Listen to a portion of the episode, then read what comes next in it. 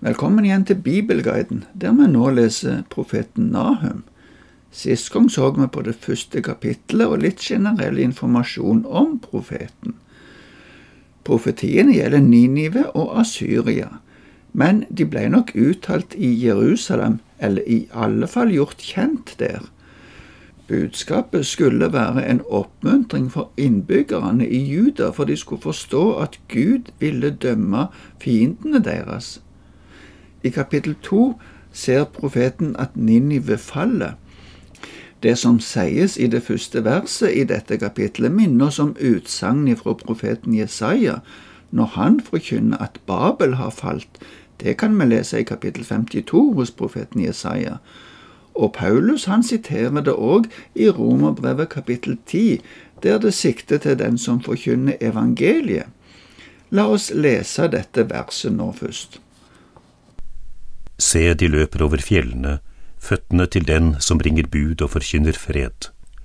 Hold dine høytider, Juda, innfri dine løfter, for aldri mer kommer de onde mot deg, de er fullstendig utryddet. I noen bibler på andre språk er dette verset plassert på slutten av det forrige kapitlet. Nå skulle Juda få feire sine høytider i fred og innfri sine løfter for trusselen ifra Ninive var tatt bort. Verset som jeg leste, skildrer en budbærer som springer med nyheten om det som har skjedd. Det innebærer frelse for de som får dette budskapet.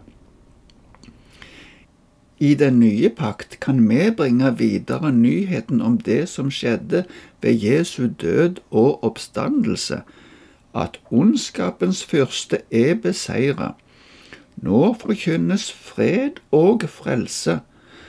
Aldri mer kommer de onde til å vinne over deg. De er fullstendig beseira. Etter dette begynner profeten å beskrive Ninives undergang. Han ser en mektig, kampdyktig hær rykke fram. Ninives hærer samler seg imot han, men forgjeves. Det er som profeten oppfordrer Ninive på en sarkastisk måte til å kjempe imot. Vi leser noen vers videre, ifra vers to til fem. Han som skal spre deg, drar ut mot deg. Vokt festningen, hold øye med veien, spenn beltet om livet, vis stor kraft og styrke. For Herren gjenreiser både Jakobs storhet og Israels storhet fordi røvere tok rov og ødela vinrankene deres. Heltenes skjold er farget røde, krigsmennene er kledd i skarlagen, vognene er som brennende jern den dagen han stiller dem opp til kamp, spydene er innsatt med gift. Gjennom gatene raser vognene fram, over torgene farer de fram og tilbake, de ser ut som fakler, som lyn farer de av sted. Herren gjenreiser Jakobs stolthet både Ninive og alle andre skal vite at det er Herren som styrer historiens gang. Profeten ser i ånden hvordan babylonerne rykker inn i Ninive med rødmalte skjold og skarlagenrøde klær. Den ildrøde fargen er i Bibelen ofte et uttrykk for verdensmaktens farge. Vi kan se det òg i Johannes' åpenbaring kapittel 12 og 14. Den røde fargen kan òg være et uttrykk for hovmodets brautende vesen, sanseligheten og den rå grusomheten. Profeten Jesaja nevner i kapittel 9 vers 5 skikken som asyrerne hadde med å dyppe ytterklærne i blod før et slag. Det skulle være til skrekk for motstanderne, men her snus det opp ned for nå er det asyrerne sine motstandere som har røde klær. Det beskrives også med flere uttrykk hvor overlegne motstanderne er. I fortsettelsen ser vi hvor håpløs motstanden ifra Ninives befolkning er. Vi skal lese videre versene 6 til 11. Han kaller fram stormennene sine de snubler mens de rykker fram, de stormer bymuren, skjoldtaket blir reist. Portene mot elven blir åpnet, palasset vakler. De stiller henne naken fram og fører henne bort. Tjenestejentene klager som duer og slår seg for brystet. Ninive ligner en dam som vannet renner ut av. Stans, stans, men ingen vender tilbake. Ran sølv, ran gull. Her er rikdom uten ende, overflod av vakre ting. Ødeleggelse, mer ødeleggelse, alt ligger øde. Redde hjerter, vaklende knær, hoftene skjelver, hvert ansikt blir rødt. Historiefortellerne skriver at byen var beleiret i tre år. Den tredje sommeren flomma elva Tigris opp så mye at fjerdedelen av bymuren ble skylt bort av elva. Til vanlig var jo elva et vern for byen, men nå kunne det oppfattes som at Herren sjøl kjempa mot byen. Etter at vannet rant tilbake, var det helt åpent og lett å komme inn i byen. Byen hadde store rikdommer. Historieskriveren Ktesias forteller om disse skattene at det var utrolig mengder av sølv og gull, og det gjorde at fyrstene ifra Babel kunne smykke byene sine med gull på en måte som historien ikke kjenner maken til. Resultatet, som vi ser i det siste verset vi leste, er ødeleggelse overalt. Alt ligger øde, står det. Noen bibler oversetter det med at det er tømt og tomt. Ordet som er brukt, betyr nok begge deler.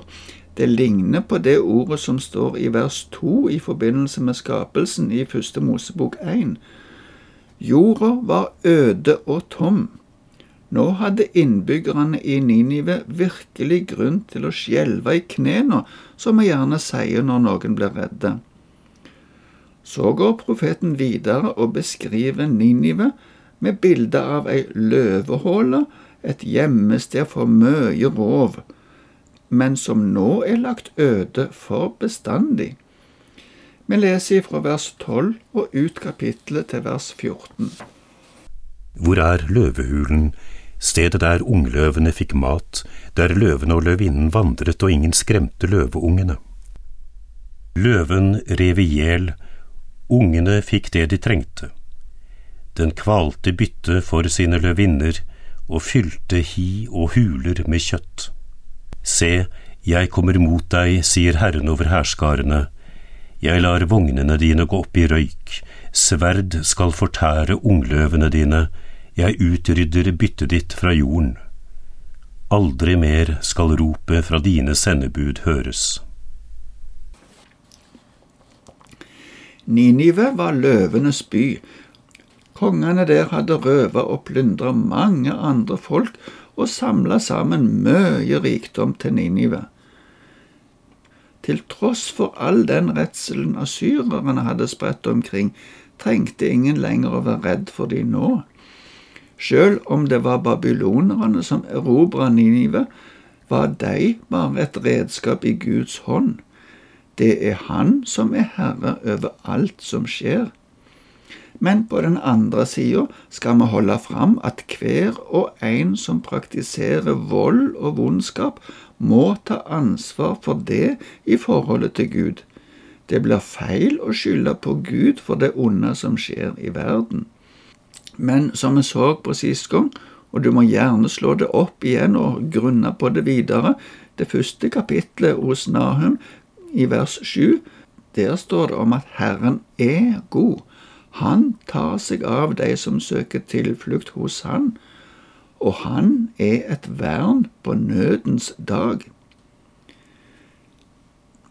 Det er ett kapittel igjen i profeten Nahums bok, men vi venter med det til neste gang, og slutter her i dag.